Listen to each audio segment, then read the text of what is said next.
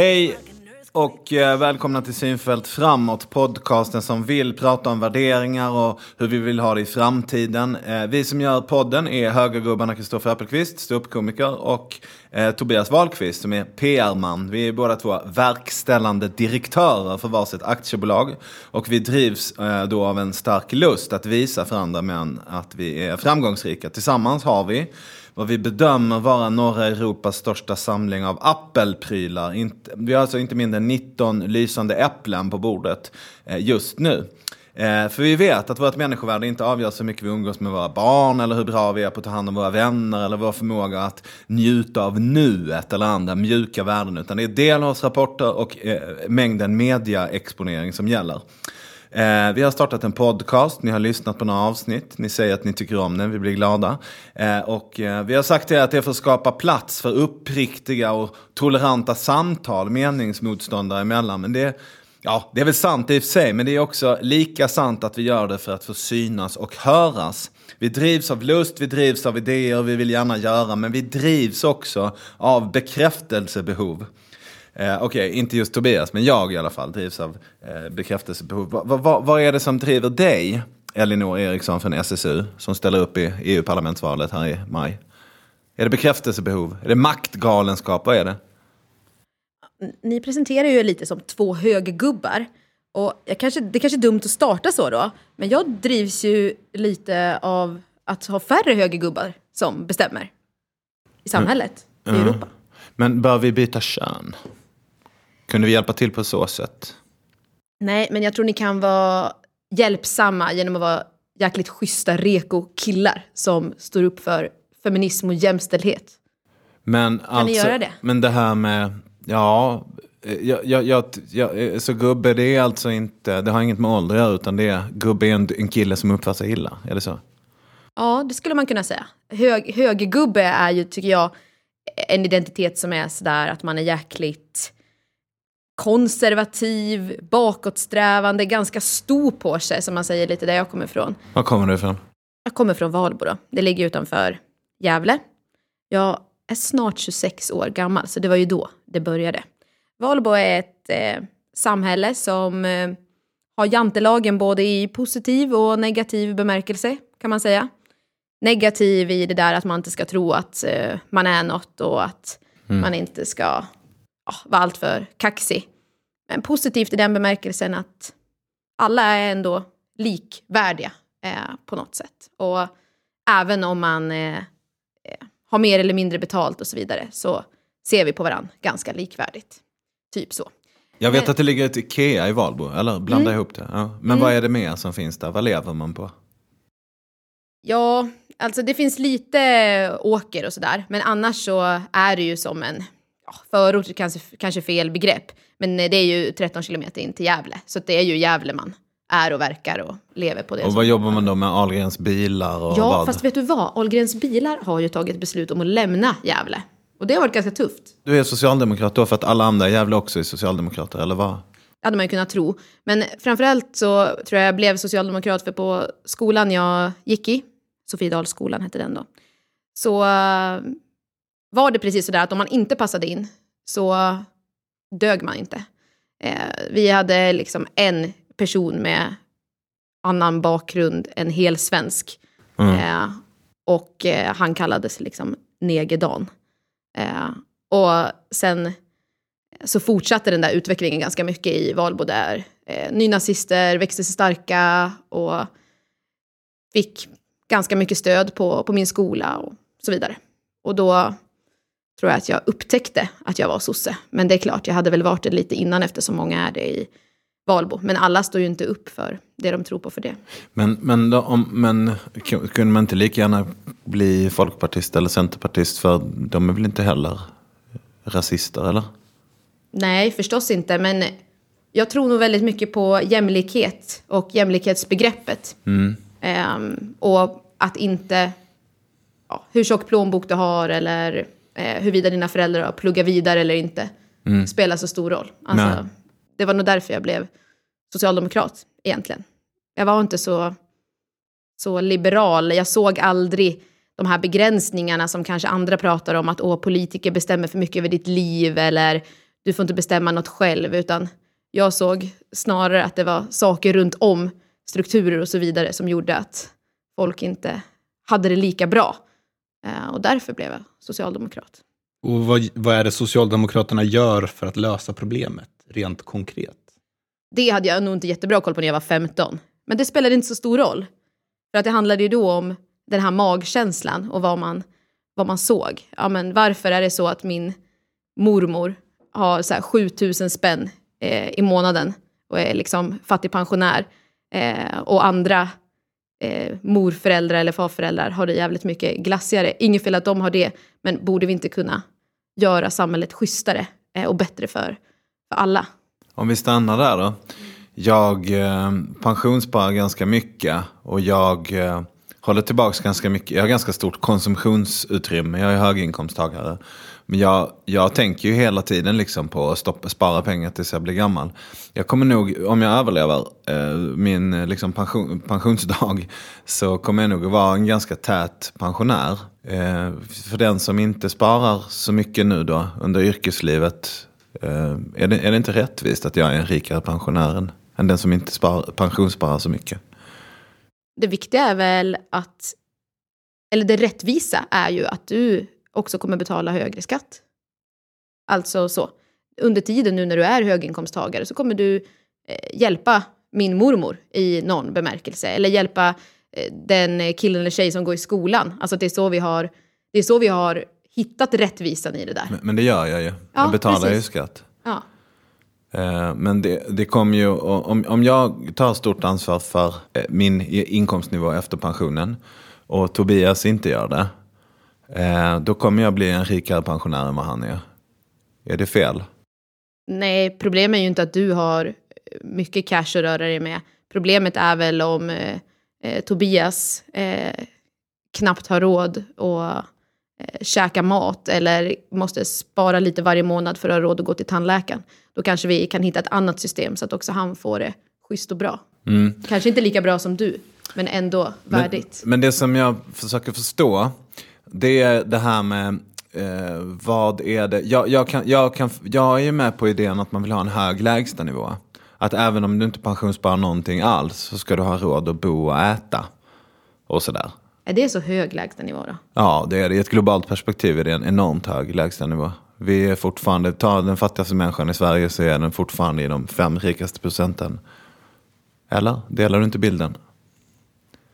Jag vet inte exakt. Jag, jag, tror, jo, jag tror att du har en stor poäng med att även de som har det sämst här har det ju bättre än, än många andra människor förstås. Å andra sidan så har vi fler i fler i Sverige som lever under jävligt dåliga omständigheter också. Om du är eh, hemlös och kommit hit utan papper från Rumänien till exempel så har du det inte så jäkla bra. Nej. Kanske inte ens bästa 5 procenten på jorden tror jag inte. Fast om man, eh, om man lämnar eh, flyktingar, papperslösa eh, åt sidan. Om man inte, för det är en annan sak. Eh, men om man pratar om det här med, om, om man säger att du är född i Sverige och är med i systemet från början och har din skolgång betald och, och, och sådär. Och så, och så går du inte i skolan, du har inga betyg och så, gör du, så du sköter inte dina kort alls. Liksom. Du, har- av någon anledning. Du kanske är sjuk eller du kanske ja, har haft det svårt. Ehm, då vill ju inte jag att man ska, liksom hamna, att man ska bo på en papp, i en papplåda såklart.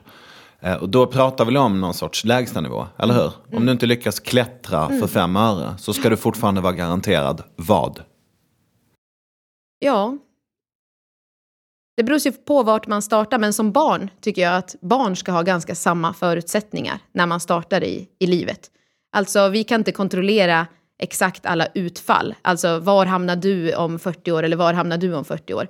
Men vi ska i alla fall inte börja i skitstor ojämlikhet, utan vi ska kunna gå i lika bra skola oavsett om våra föräldrar tjänar mycket eller lite. Vi ska kunna ha skolmat oavsett om vi gör det eller inte. Vi ska kunna gå till doktorn när vi blir sjuka. Om eh, jag är ett barn som får leukemi och du är ett barn som får leukemi så ska vi få likvärdig vård och så vidare. Alltså det där är ju de principerna som vi har byggt i Sverige och det är så fantastiskt. Något jag är skitstolt över egentligen, att vi har ett sånt samhälle där vi har råd Men eh, finns med det varandra. något parti som inte delar den där bilden? Det finns ju partier som eh, är väldigt noggranna med till exempel är man medborgare eller inte om vad för rättigheter man ska eh, ha i de här systemen definitivt. Och det finns ju definitivt eh, olika syn på hur generös välfärdsstat vi ska ha eller vad som ska ingå i den. Och om det egentligen vore bra att börja betala för mer saker eller sådär. Men det är klart, den svenska modellen är ju något som jag tror att väldigt många partier och väldigt många människor i Sverige är stolta över. Även, tror jag, du Kristoffer som är så här höginkomsttagare tycker att det är ganska skönt att betala skatt för att Sverige ändå håller ihop på det sättet och det gör att vi är en bra nation på olika sätt där vi ändå behandlar varandra ganska värdigt och har människor som mår ganska bra. Mm. Jag tror att de flesta eh, skriver under på det och jag eh, betalar hemskt gärna skatt och jag kan eh, baxna ibland när jag går runt och tittar på hur mycket vi får. Man, man börjar titta på asfalten och lyktstolparna och eh, trafik, kollektivtrafiken. Och, Arbetsförmedlingen. Ja, ja det, precis. Det är det som är problemet. Att det är ju inte det. Det är inte det att jag tycker att jag betalar för mycket skatt. Utan det är det att jag ibland blir arg när jag upplever att, mm. folk slar, att eh, förtroendevalda slarvar bort mm. mina skattepengar. Mm. Eh, eller ja, allas våra skattepengar. Det är inte för att jag eh, behöver fler semlor, snarare färre. Det är inte det som är problemet. Utan problemet är att eh, vi skulle kunna göra förskollärare av de där pengarna istället. Eh, istället för att bygga, vad heter det, sporthallar och sånt där skit. Som inte man borde använda skattepengar till. Men, men jag, jag tycker att det är intressant när jag pratar om lägstanivån så säger du, ehm, så drar du in att eh, ja, det finns de som inte vill låta människor från andra länder vara med i vårt välfärdssystem. Är det det det handlar om? Alltså om vi, om vi struntar i det, om vi bara kollar på själva systemet. Tycker du att, tycker du att det verkar som att, man, att, att det är ojämlikt? Alltså finns det, är det barn som, in, som har medborgarskap, som har föräldrar med medborgarskap, som inte har, rätt, som inte har tillgång till vad? Alltså var, var, var är problemet? Men det vi ser och som vi har sett eh, under de senaste åren är ju faktiskt att klyftorna mellan, mellan människor ökar. Sen skulle jag inte säga så här att åh, vissa barn får inte rätt till sjukvård om de är sjuka, tack gode gud, där är vi ju inte. Men vi ser ändå att vi börjar dela upp människor mycket mer i de som har och inte de som har. Har du arbetslösa föräldrar så kommer du förmodligen ha det tuffare i, i skolan. Men om jag och Tobias sitter bredvid varandra mm. och så har vi varsin Macbook 13 tums. Mm. Eh, och så är vi helt nöjda med det. Eh, och så går han och köper en 17-tummare. Då har ju klyftan, datorklyfta ökat otroligt mycket. Ja, varför kan jag inte fortfarande vara nöjd med min 13-tummare? Varför måste vi jämföra med varandra? Om ett barn har ett eget rum och ett Playstation 2 eh, och har råd att följa med på klassresan. Eh, är det då rimligt att börja kalla det för ett fattigt barn om han inte har råd med en resa till Alperna som grannen har? Alltså det här relativiserandet av fattigdomsbegreppet, jag fattar inte vad poängen är med det. Det är ju olika sätt hur man mäter fattigdom och jag tycker att det relativa sättet har sina poänger. Uppenbart också sina eh, sina ja, sämre sidor. Eh, för att, men det som det har fördelen av att det jämför ju oss med varandra utifrån nivån som vi delar. Alltså i Sverige har vi den här typen av ekonomi, vi har den här välfärden, vi har de här förmögenheterna och så vidare. Och så här har människorna det här och så här stora skillnader är det mellan dem. Det är klart att vi kan säga alla barn i Sverige är superrika för att det finns barn som inte har mat i vissa delar av världen. Men det hjälper inte så mycket de barnen som har ont i magen för att de inte har råd att följa med på klassresan eller som har eh, föräldrar där det är svårt att få alla räkningar och så vidare att gå ihop eller som har det. Alltså, det är på ett sätt tycker jag att negligera många av de problemen som vi har om vi inte kan se det relativt också. Så det tycker väl jag är på poängen, att faktiskt jämföra med verkligheten. Det blir, det blir eh, eh, det blir inte en helt rättvisande bild att jämföra med något annat. Det är ungefär som att vi skulle kunna säga att i Sverige finns inga jämställdhetsproblem för att vet ni hur det är i Uganda? Mm. Nej, poäng till dig.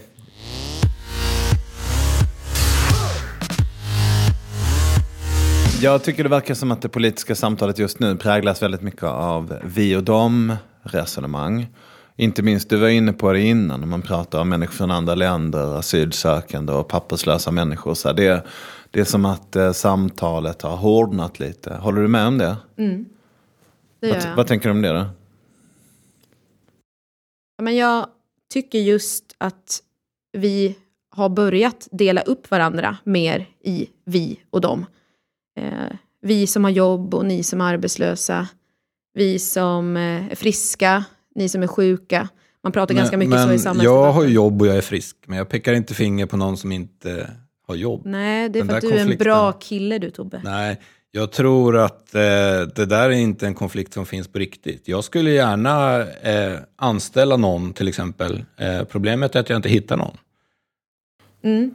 Eh, Men, och det, tycker jag, det håller jag med om. Och det är ju en, en av de största problemen med, med arbetsmarknaden. Att vi inte lyckas matcha det ordentligt. Alltså, vi Men har massa vi människor... lyckas matcha. Folk måste ju ta ansvar för att matcha sig själva. Det är säkert jättebra att man sitter på utbildningsdepartementet eller någonstans och funderar på vad man ska jobba med om fem år. Men jag tror att de gissar fel i stor utsträckning. Ansvaret måste ligga hos vanligt folk. Vill man ha ett jobb så måste man anpassa sig efter den efterfrågan som finns. Och det gör det ju. Men varför har vi 400 000 arbetslösa? Det beror ju på vad man menar då med att ta eget ansvar. Men vi har ganska många unga människor som inte klarar av att gå ut gymnasiet med fullständiga betyg till exempel. Som av olika anledningar halkar snett under gymnasietiden. Jag har inte fullständiga betyg. Nej. Jag Jag har tror inte att det är ett problem. Jag har inte fullständiga betyg. Jag tror att jag, har gått, jag har gått ut åttan, inte nian. Och då tror jag att det är väldigt bra att ni har eh, lyckats på det sättet ni har. Och ni är uppenbarligen bra på att, att göra det. Men tyvärr är det så att när vi tittar på vilka är det som är arbetslösa eh, och särskilt bland unga, vilka är det som inte lyckas få jobb? Så är det väldigt många som har gemensamt då att man inte har fullständiga gymnasiebetyg. Så därför blir ju kanske en av de viktigaste åtgärderna för att ha färre som är arbetslösa, att se till att fler klarar av att gå ut gymnasiet. För att så ser ändå arbetsmarknaden ut. Har du, skulle, skulle allt skita sig för er, eh, ja nu är ni lite äldre då, men skulle ni gå tillbaka i tiden och vara, ja okej inte så mycket äldre, men skulle ni gå tillbaka i tiden och vara liksom 22 nu och inte ha fullständig gymnasiebetyg och försöka få jobb någonstans så kanske det skulle vara svårare. För att nästan överallt måste man ha fullständig gymnasiebetyg för att, för att få en anställning. Jag tror att vi har hittat en konfliktlinje som inte, som inte handlar om att vi pratar olika språk eller någonting, utan det är verkligen vår världsbild skiljer sig. Låt, låt säga att jag är 22 år, att jag inte har någon utbildning. Vad skulle du råda mig att göra? Jag vill så snabbt som möjligt. Jag har en nyfödd dotter och en flickvän och en liten lägenhet. Eh, vad, vad skulle du råda mig att göra för att så snabbt som möjligt få balans i min ekonomi? Jag tror att du oavsett skulle behöva ta tag i dina betyg, alltså plugga komvux. Sen kanske du skulle behöva jobba vid sidan om också för att få ihop eh, eh, bring home the bread så att säga. Men jag tror att eh, du skulle behöva få till dina gymnasiebetyg. Vi skulle behöva säkra den delen liksom på CVt. Ja, mina erfarenheter stämmer ju inte med det där. Jag, jag eh, har ju inte fått in en spänn förrän jag började kartlägga vad är jag bra på, vad är jag intresserad av, vad har jag lust att göra, eh, vem kan tänka sig att betala för det, hur ska jag ta betalt. Eh, mitt favoritexempel som kanske lyssnarna börjar bli trötta på, men jag kan inte låta bli att ta det igen. Mitt hus behövde, det var i desperat behov av skrapning och målning under fem år. Det såg för jävligt ut, färgen hade trillat av huset.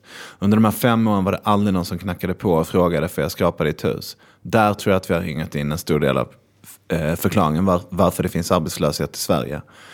Vi har eh, uppfört oss på ett sätt, vi har blivit skolade i en mentalitet där vi själva inte har ansvaret för vår egen sysselsättning. Utan det är tanterna och farbröderna på Arbetsförmedlingen som har eh, ansvar att sysselsätta mig. Om de inte lyckas matcha ihop behovet skrapa hus med kapaciteten skrapa hus, för man behöver i ärlighetens namn inte ens gå i gymnasiet för att skrapa ett hus. Jag hör vad du säger, men jag tycker att samhällsklimatet är lite annorlunda. Jag tycker att det vi lär unga människor nu och det man växer upp i är mer det du kanske är ute efter. Jag tycker att man lär sig hela tiden. Du måste slå dig fram. Du måste eh, fixa dina betyg. Du måste leta ett sommarjobb så att du eh, har något på CVt. Eh, du måste, ibland till och med, som jag tycker är dåligt, du måste ta vilka skitvillkor som helst för att bara få in en fot. Du måste ligga på. Jag tycker det är det vi kommunicerar till unga människor. Och delvis är det väl relevant, man måste ju ta ansvar. Men, men jag tycker heller inte att man, bara för att man, ska, bara för man är ung, ska heller stå ut med vad som helst. det är inte rimligt att jobba en månad gratis för att sen kanske få betalt en vecka och så vidare. Alltså det, det får också vara någon slags rim och reson på, på systemet. Men jag tycker verkligen att det unga får lära sig nu är att så här, du måste slå dig fram. Liksom, det är ingen annan som fixar jobb åt mig. Det är ingen annan som fixar betyg åt mig. Det är ingen annan som eh, sparar ihop till min resa utomlands. Eh, det finns ju inget annat. Eh, och, och, du problematiserar det individualistiska, men, men, det är ju ingen annan som gör det åt mig. Så jag, jag, måste ju vara individualistisk, oavsett om jag tycker att det verkar rimligt eller inte. Det jag tror att jag problematiserar är att vi ibland ser på unga som någon grupp som skulle få nöja sig med att ha det sämre än, än andra. Mm. Och det kan jag provoceras ganska mycket av i, i samhället. Jag, jag, jag det är redan så att man har det sämre på arbetsmarknaden när man är ung. Mm. Det är redan så att man har sämre ekonomi. Det är redan så att man inte bara ses som någon som eh, ska respekteras i lika stor utsträckning som vuxna och så vidare. Jag tror inte man behöver spä på det mer. Jag tycker att vi redan är där. Och ibland tycker jag också att det är orättvist och orättfärdigt. Och delvis tror jag faktiskt att politiken kan hjälpa till. Och där kanske vi tänker olika. Jag tror till exempel att man i kommunerna kan se till att så här, kommunen erbjuder sommarjobb till de unga som vill. Du får testa att kratta löv och du får testa att spackla om en vägg och du får testa att vara i äldreomsorgen och så vidare. Så får jag kanske då se så här, hmm, det här med äldreomsorgen var något för mig eller inte. Och kommunen fick något gjort under den sommaren. Någon kanske fick en extra timme, eh, någon panschis på ett hem fick en extra timme med någon som var ung och så vidare och kommunen hade pengarna till det. Sen dessutom hade vi en massa unga som då hade någon kontakt på CVt. Så när de sen ska ta eget ansvar för att hitta ett jobb två år senare så har de ju den där på äldreboendet som de kanske kan jobba lite extra för. De har en referens som de kanske kan uppge när de söker jobb någon annanstans. Jag tror att politiken, även om individen har ansvaret så kan politiken hjälpa till och dessutom få ut bra saker av det för hela samhället. Eh, jag, jag tror, eh, jag känner, jag eh, tror att vi har olika perspektiv och det har nog att göra med eh, bland annat att du är 25 och att jag är 40. Och, jag, mm. och att jag, du är liberal och jag är socialdemokrat kanske? Uh, ja, absolut. Men det jag känner igen nu när du pratar, det är min eg mitt eget perspektiv för när jag var 25.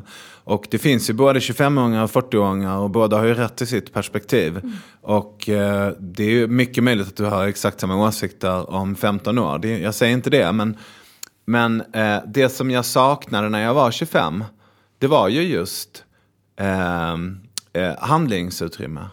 Jag hade ingen ekonomi. Jag hade ingen. Jag hade inte... Eh, jag var arg på samhället för att de sänkte mina bidrag. För att jag försökte försörja mina barn och jag blev av med min a-kassa. Jag var, hamnade i ett läge där jag blev av med min, med min a-kassa till exempel. Och jag var väldigt, väldigt arg på samhället för att jag tyckte att jag inte fick tillräckligt med chanser. Men eh, det som jag också saknade var ju självförtroende. Jag trodde ju, jag var ju bara intresserad av mina rättigheter för att jag trodde att jag inte hade någon egen kapacitet. När jag sen blev lite äldre, lite eh, tryggare och hade tur att träffa folk som hjälp, hjälpte mig igång. Liksom, som, som såg mina kvaliteter, mina talanger och sa haka inte upp dig på att inte du har någon utbildning, haka inte upp dig på det. Se på vad du faktiskt kan, se på din verkliga potential och försök göra någonting av den. Eh, när jag väl började göra det, då blev jag ju uppfylld av en känsla av att jag kan faktiskt erbjuda någonting ändå. För det finns kanske inte någon mening med att alla är världsmästare och gör matteprov eller att alla har en socionomutbildning. Det finns rätt många arbetslösa akademiker också. Um, utan det handlar om att man måste ha självförtroende, en känsla hos sig själv. Att jag har någonting att erbjuda andra som de behöver, som de är beredda att betala för. Mm. För mig var det lite av en frälsning måste jag säga. Och det tycker jag att om det är något som kanske skolan skulle kunna bidra med så är det ju också det. Hur ska vi få unga människor i skolan att känna sig bra på saker? Ja. Att känna sig lyckade, att ja. känna att de kan något. Och då måste jag nog säga att kanske behöver man inte fler sätt att veta att man är misslyckad. Kanske behöver man inte fyra betygssteg till.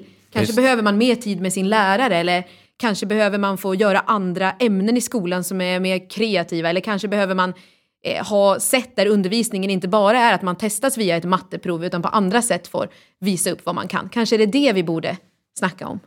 Eh, absolut. Det, det, det finns, jag ser inte motsättningen. Absolut. Skolan är ett stort svart hål. Det spelar ingen roll om man skottar ner i det så kommer det ut. Det blir, det blir inte bättre för det. Mm. Eh, det. Det har vi ju sett. Det håller jag med om.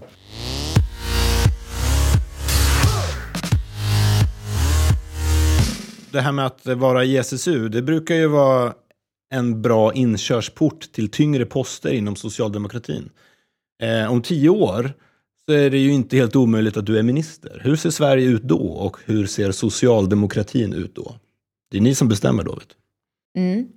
Om tio år, då har vi ju då haft socialdemokratiskt styre i ganska många år. Vi har hunnit vinna, vad blir det till och med tre val? Då? Vi måste väl nyss ha vunnit Då har ni börjat igen. bli trötta igen tror jag. Ja, okej. Ja. Vem, vem vet, vi kanske har andra kompisar i regeringen och sådär då också. Men jag tror att vi de kommande tio åren kommer ha eh, en socialdemokratisk eh, styrning och med det en annan inriktning på, på politiken i Sverige. Jag hoppas till exempel att vi kommer ha haft en mer offensiv jämställdhetspolitik. Jag hoppas att man kommer kunna säga om tio år, shit, kommer ni ihåg det där, den där tiden när eh, pappor inte alls tog ut lika mycket föräldraförsäkring? Kommer ni ihåg den där tiden när inkomstskillnaden mellan kvinnor och män var ännu större? Shit vad lång väg vi har kommit nu på tio år. Det hoppas jag att man ska kunna säga. Jag hoppas också att man ska säga så här, shit vad bra det var när vi tog tag i de här radikala miljömålen och verkligen började ställa om vårt samhälle mer ordentligt. Det är tur att vi gjorde det för att annars kommer vi inte klara oss i framtiden. Alltså jag hoppas att vi har dragit igång vissa av de här processerna som är jäkligt sega just nu och liksom lite långsamma. Men det här med att kvinnor och män tjänar olika mycket, det är ju en seg process. Vad finns det för konkreta förslag? Föräldraförsäkringen är ju väldigt konkret. Eh, och ett av de stora problemen till att man tjänar olika mycket idag är ju att kvinnor tar så mycket större ansvar eh, med att vara hemma med Ja, men barn. vad ska du göra åt det rent politiskt? Eh, Ja, men där har vi ju att vi får ersättning när vi är hemma med eh, våra kids. Och det kan man ju också... är, är det, vi har två pappamånader nu va? Är det att du vill ha Ja, fler- hälften eller? ja, alltså, jag tror man kan ta det etappvis, men fler pappamånader, som det kallas då, tror jag vore bra. Alltså att i högre utsträckning eh, styra ersättningen, att man får bättre ersättning om man är mer jämställd i sitt föräldraskap. För det man ser om man tittar, det är ju att om, eh, om jag ska anställa eh, en man eller en kvinna, eller om jag har en man och en kvinna eh, anställd, så om kvinnan får barn så kommer hon vara borta längre från jobbet och därmed halka efter i karriär, halka efter i uppdrag Hur många anställda har du? 23 va? Eh, och eh, du, det är så du resonerar när du anställer dem? Hur många, har du anställt dem eller har du ärvt din stab? Både och.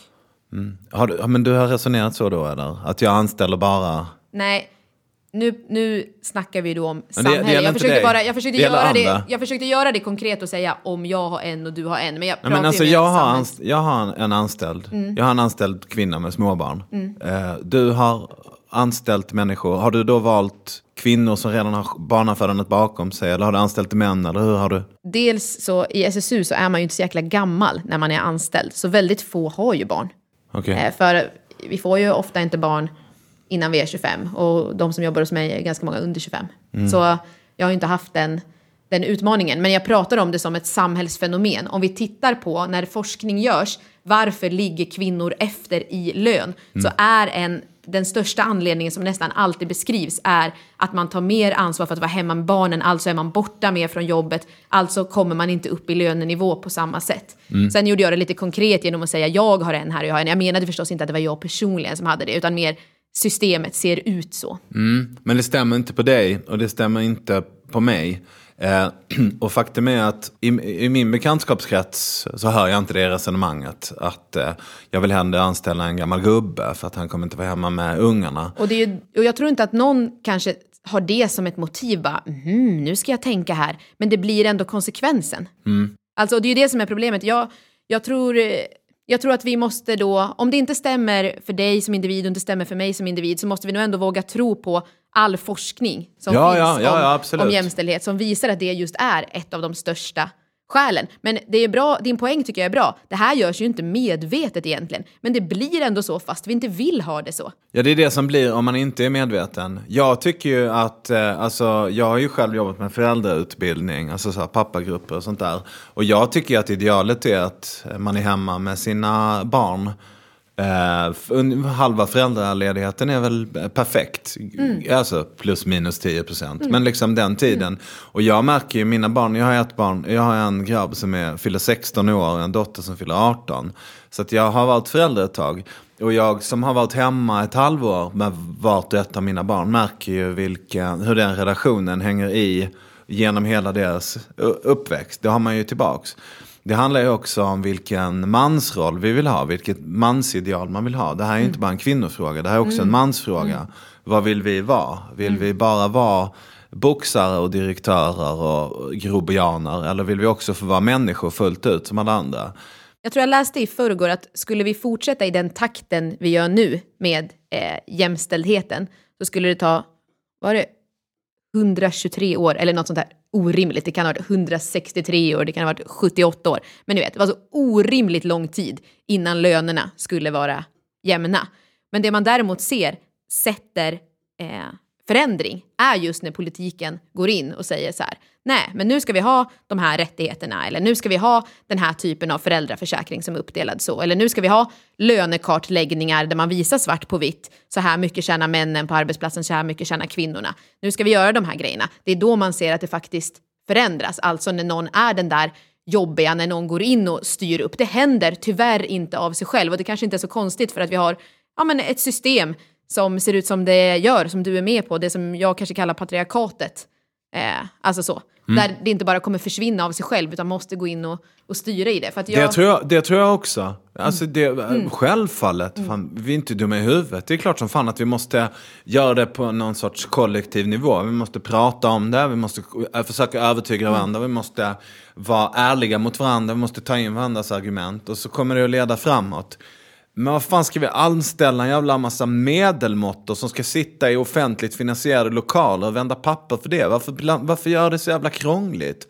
Det finns ing- det har fast aldrig det- någonsin... Fast vem- jag föreslår vem? ju bara att pappor ska ta ut fler månader föräldraförsäkring. Du föreslår att vi ska lagstifta om det. Vad tror du att de här papporna som, inte, som har en pissig kvinnosyn, som har en, en jättegammal idé om mansrollen, vad tror du de gör med sina två pappamånader nu? Det kan jag berätta för dig. De är ute och jagar, de är ute och åker skidor med sina kompisar, de eh, bygger om badrummet. Jag kan säga det, att det mesta, de där, de där påtvingade pappamånaderna, de går till att renovera hus som egentligen inte behöver renoveras. Byta ytskikt som har något fel färg. Byta från en, eh, vad heter det, gammelrosa tapet till en mockafärgad fondvägg. Det är vad de använder den där tiden till. De sitter inte och läser böcker för sina ungar, Och frun har bestämt tapeten också. dessutom. Jag tycker faktiskt du har en liten tråkig syn på pappor och föräldraskap här. Det finns säkert de där som du beskriver. Men det finns också extremt många papper som trivs med att vara hemma med sina barn, som tycker det är en fantastisk tid, som gör många skitbra grejer. Och jag kan dessutom säga dig att även om de gör de där grejerna, jagar och åker skidor och allt vad det är. Så det blir fan inte bättre med jämställdheten i samhället av att istället morsorna som har de två månaderna och de papporna är på jobbet och att jämställdheten blir sämre då och föräldramånaderna ännu mer ojämlika. Ja, må vara så då att de i början kommer jaga lite mer och åka skidor mer och allt vad det är. Men på sikt så kommer väl det ändras, tror du inte det?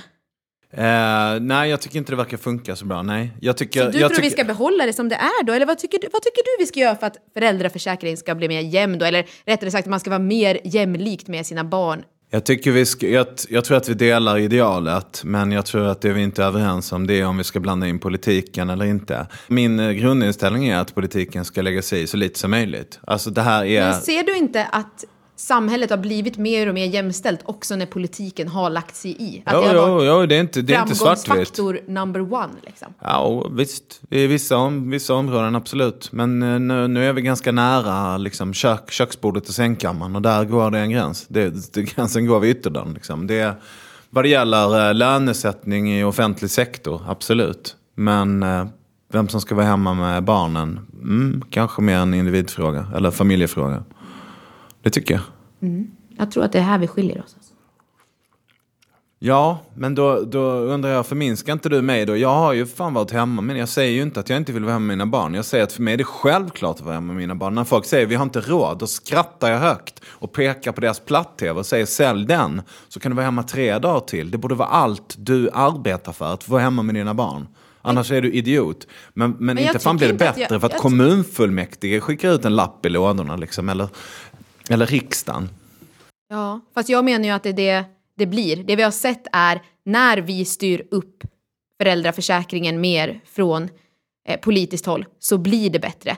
Sen kanske det inte är så för dig, för du hade gjort det oavsett. Och precis som du säger, tagit det ansvaret, älskat det ansvaret, varit hemma med dina kids för att du tycker det är skitbra. Men en del hade inte gjort det och därför behövs det göras från politiskt håll. Jaså, jaha. Mm.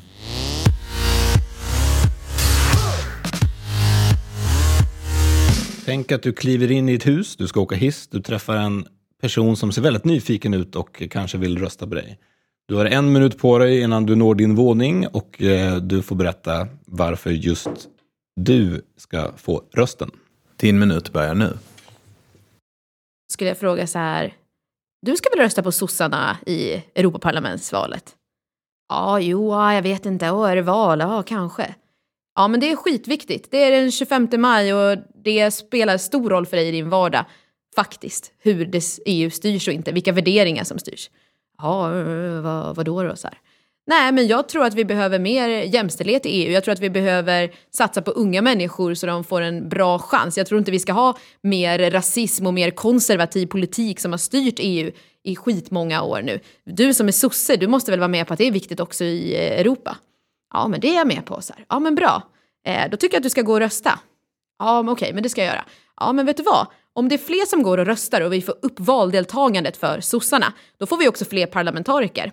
Och jag står på den där platsen som kommer in om det är så att vi ökar i mandat. Så om du går och röstar, vem vet, då kanske även jag kommer in. Jaha, ja, okej, okej. Mm, tja, ha det bra, tjena, tjena, bye bye. Eh, konservativ och vad är det som har styrt EU? Rasism och konservatism. Ja, eller som är på frammarsch nu också. Rasismen har ju inte fått styra jättemycket, men man ser ju att den växer runt om i Europa på ett ganska obehagligt sätt. Jag ser ett Europa där folk rör sig fritt inom Europa. Jag kan skynda mig att tillägga att jag tycker Schengen är hemskt. Jag tycker att det är hemskt hur vi stänger ute folk som behöver komma hit. Men eh, den stora fria inre marknaden är ju, ett av de, är ju en fantastisk sak. Det är ju ett eh, stort liberalt, ekonomiskt, politiskt, socialt integrationsprojekt. Som ibland går trögt men som är något av det vackraste som har hänt på den här kontinenten de senaste hundra åren. Och det är just därför jag tycker att det är så oroväckande när folk börjar prata mycket mer om eh, nationalismen och eh, rättigheter om man är just grek eller om man kommer någon annanstans ifrån. Rättigheter just om man är svensk medborgare eller om man är papperslös eh, och så vidare och så vidare. Det är därför eh, rasismen är så jävla obehaglig för att den just eh, är emot allt det där som du säger. Eh, fritt och se människor som, som fria. Men eh, är det alltid rasism? Vi var inne på det här innan med vi och dem tänkandet och det är ju lätt att säga att eh, ja, det är högerextrema krafter igång nu här som har börjat bli rumsrena på ett sätt som de inte var för tio år sedan. Eh, och deras retorik går ju mycket ut på eh, att definiera folk i om de är med oss eller om de inte är med oss, vi och dem. Finns det inte också en risk att man börjar prata om alla som är minsta lilla kritiska till eh, generös eh, invandring till exempel? Att man börjar kalla dem för nazister? Finns det inte ett liksom, vi och dem-problem även hur vi pratar med varandra här? Jo, det tycker jag. Jag tycker att ett problem är ju när vi eh, börjar prata om att eh, alla som röstar på något annat än just oss själva är eh, ja, rasister eller är skitgubbar på olika sätt eller är det ena och det andra. Det är klart, det är jättedåligt. Hur ska vi då få dem att, att rösta på oss nästa val om vi nyss har kallat dem eh, rasister eller om vi nyss har kallat dem eh, skit på, på olika sätt? Så det har du en, eh, en stor poäng i. Däremot så tror jag att man ska vara jäkligt försiktig med vad för åsikter man börjar tycka är okej och vad man börjar legitimera i sin vilja att eh, passa alla.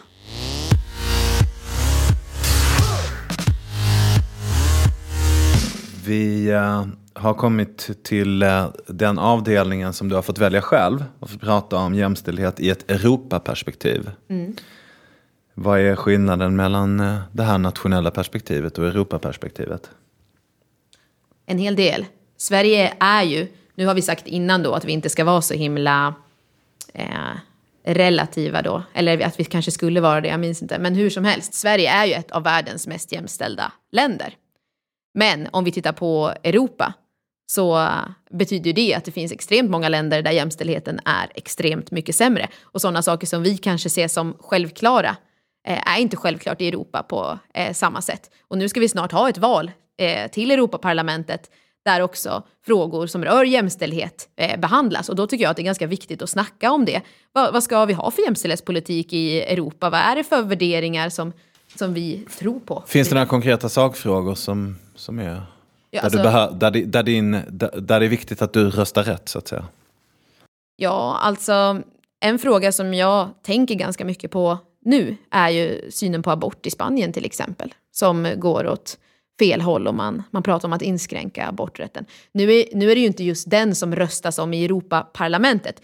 Generellt så röstas ju inte inhemsk lagstiftning om i Europaparlamentet, men det säger något om utvecklingen på området så att säga. Det som röstas om i Europaparlamentet kan ju vara olika direktiv, till exempel undervisning i skolan. Sexualundervisning i skolan var det eh, ganska nyligen en diskussion om.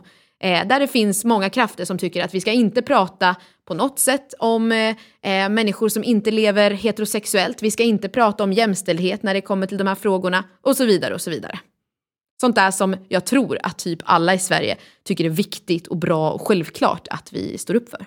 Men finns det inte risker att man blandar in det här på Europanivå? För att eh, skulle man flytta lagstiftning till Europanivå, då skulle ju vi hamna i underläge. Och då skulle vi se en ja, utveckling som du inte skulle gilla, kan jag tänka. Ja, precis. Och inte vi heller. Nej, Precis, och det där, det där tycker jag är viktigt. Vad ska vi ta för beslut på Europanivå och inte? Jag föreslår inte att vi ska bestämma om Spaniens abortlagstiftning i Europaparlamentet. Det tycker jag inte. Nej, och vet du vad? Då får du alltså frågan en gång till. För det var precis ditt exempel. Jag sa, om vi röstar in det i Europaparlamentet, varf- vid vilken fråga är det viktigt att du är med och trycker på knappen? Då kom du med ett exempel på någonting som helt klart enligt subsidiaritetsprincipen hör hemma i Spanien. Och sen sa jag till exempel, eller Vad, hur? vilket var det? Jag pratade om sexualundervisning i skolan till exempel, ett direktiv som nyligen diskuteras i Ska Europaparlamentet. detta avgöras i Europa? Är det, är det på rätt nivå, tycker du? Ska man Ja. diskutera eh, sexualundervisning i skolan på Europanivå? Ja, Det där handlar ju om ett direktiv och ett slags lägsta nivå. Så att det kan jag tycka. Okej. Mm. Men eh, är det då inte risken fin- att vi helt plötsligt har lagar som stämmer skitbra med lite mossiga så här, katolska värderingar här? Att man inte ska svära i tv eller vad det kan vara.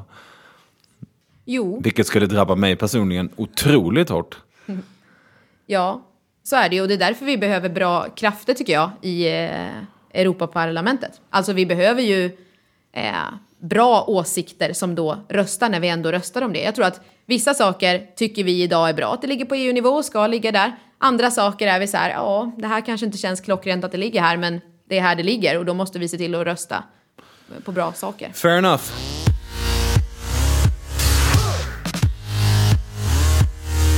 Vad är viktigast eh, om man ska vara en bra politiker? Är det att ha ordentligt med kunskap eller är det att man har rätt värderingar?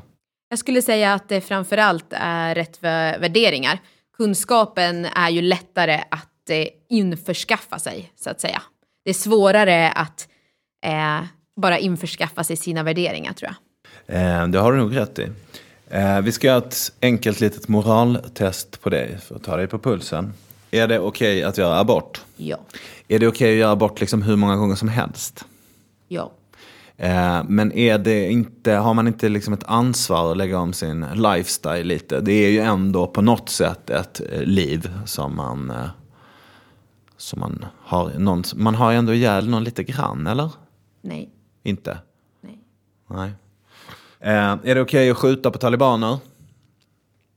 Nej. Inte. Men talibanerna eh, skjuter ju på småungar som håller på att lära sig. Alltså... Det är ju så svårt med de här ja och nej-frågorna. För ja, för på ett sätt är det ja, okej att skjuta på talibaner. Ja. Men på ett sätt är det ju nej, det beror ju på. Ska vi... eh, Det är ju inte okej att bara skjuta på talibaner som bara går runt och kallar sig talibaner. Men eh, talibaner som skjuter på andra, ja. Ja, det är det de gör. Ja, vad heter det? Är det okej att eh, Sverige har, skickar eh, soldater till till exempel Afghanistan? Ja. Eh, är det okej att eh, en pappa tar ut bara sina två pappamånader men inte mer? Nej.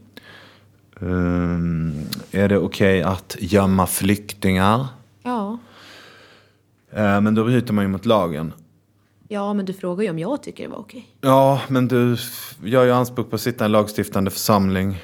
Eh, tycker du att det är okej att du håller på att stif- ska, ni ska stifta lagar då som ingen följer om de inte tycker att det är okej? eller?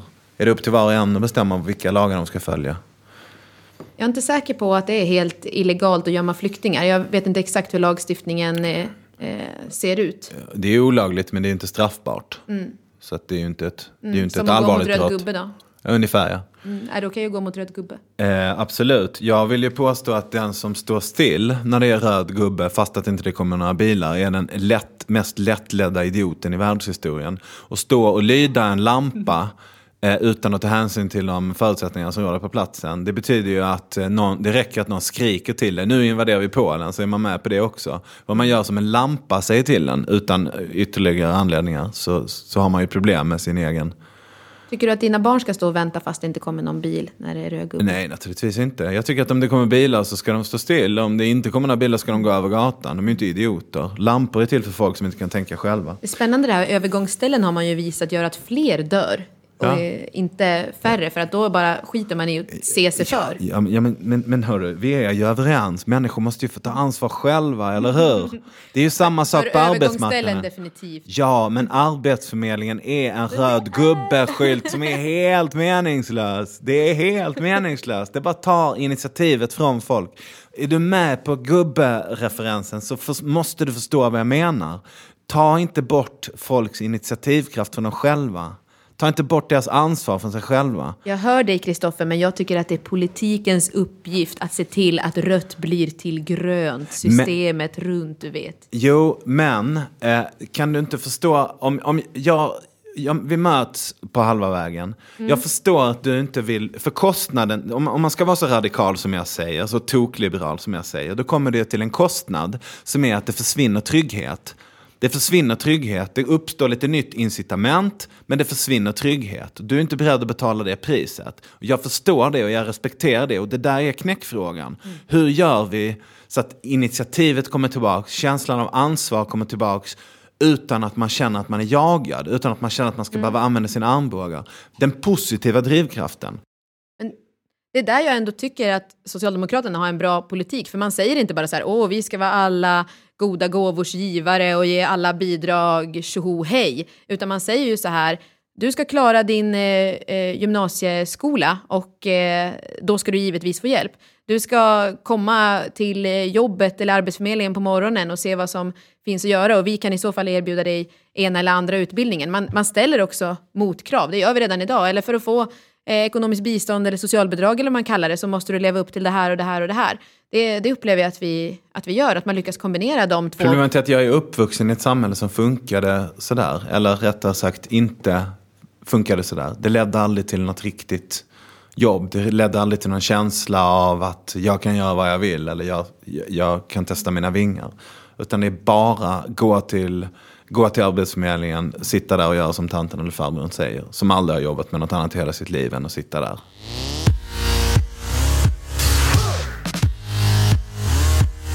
Vi har bett dig ta med en bok. Har du gjort det? Ja. Eh, Jag skulle vilja tipsa om en bok som eh, jag läste 2006. eh, Som heter No Tears for Queers, som Johan Hilton har skrivit. Som eh, handlar om eh, hatbrott egentligen och som handlar om ja, queers i det här fallet och mest bögar som, som det handlar om. Och olika ja, historier, framförallt i USA, där eh, människor har utsatts för fruktansvärda saker och hur samhället har sett på det här och vad som har hänt, hur det har skildrats och, och så vidare. Som öppnade mina ögon ganska mycket för eh, ett förtryck eh, som ja, finns lite överallt mot ja, heteronormen som är väldigt stark och eh, ehm, i det här fallet då människor som utsätts för hat för att man älskar någon av samma Okej, Johan Hiltons No Tears for Queers. Yes.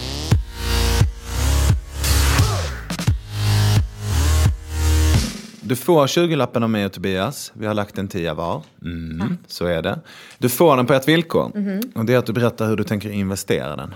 Syrien eh, och situationen där just nu är helt fruktansvärd. Över 100 000 människor har eh, dött eller mördats. Eh, Olof Palmes internationella center har en insamling till kvinnor i Syrien där man eh, låter kvinnor eh, bygga upp landet på olika sätt. Satsa på skolor, satsa på gemenskap eh, och så vidare. Jag tror att det kommer behövas väldigt mycket sånt arbete för att det landet ska kunna Olof Palmes sig. internationella center. Ja. Tack så hemskt mycket för att du tog dig tid och eh, lycka till i valet. Tack så hemskt mycket. I'm gonna dance like an earthquake was shaking me I'm gonna sing like my heroes were with me yeah. I build an army made of clouds and smiles to fight for you I'm gonna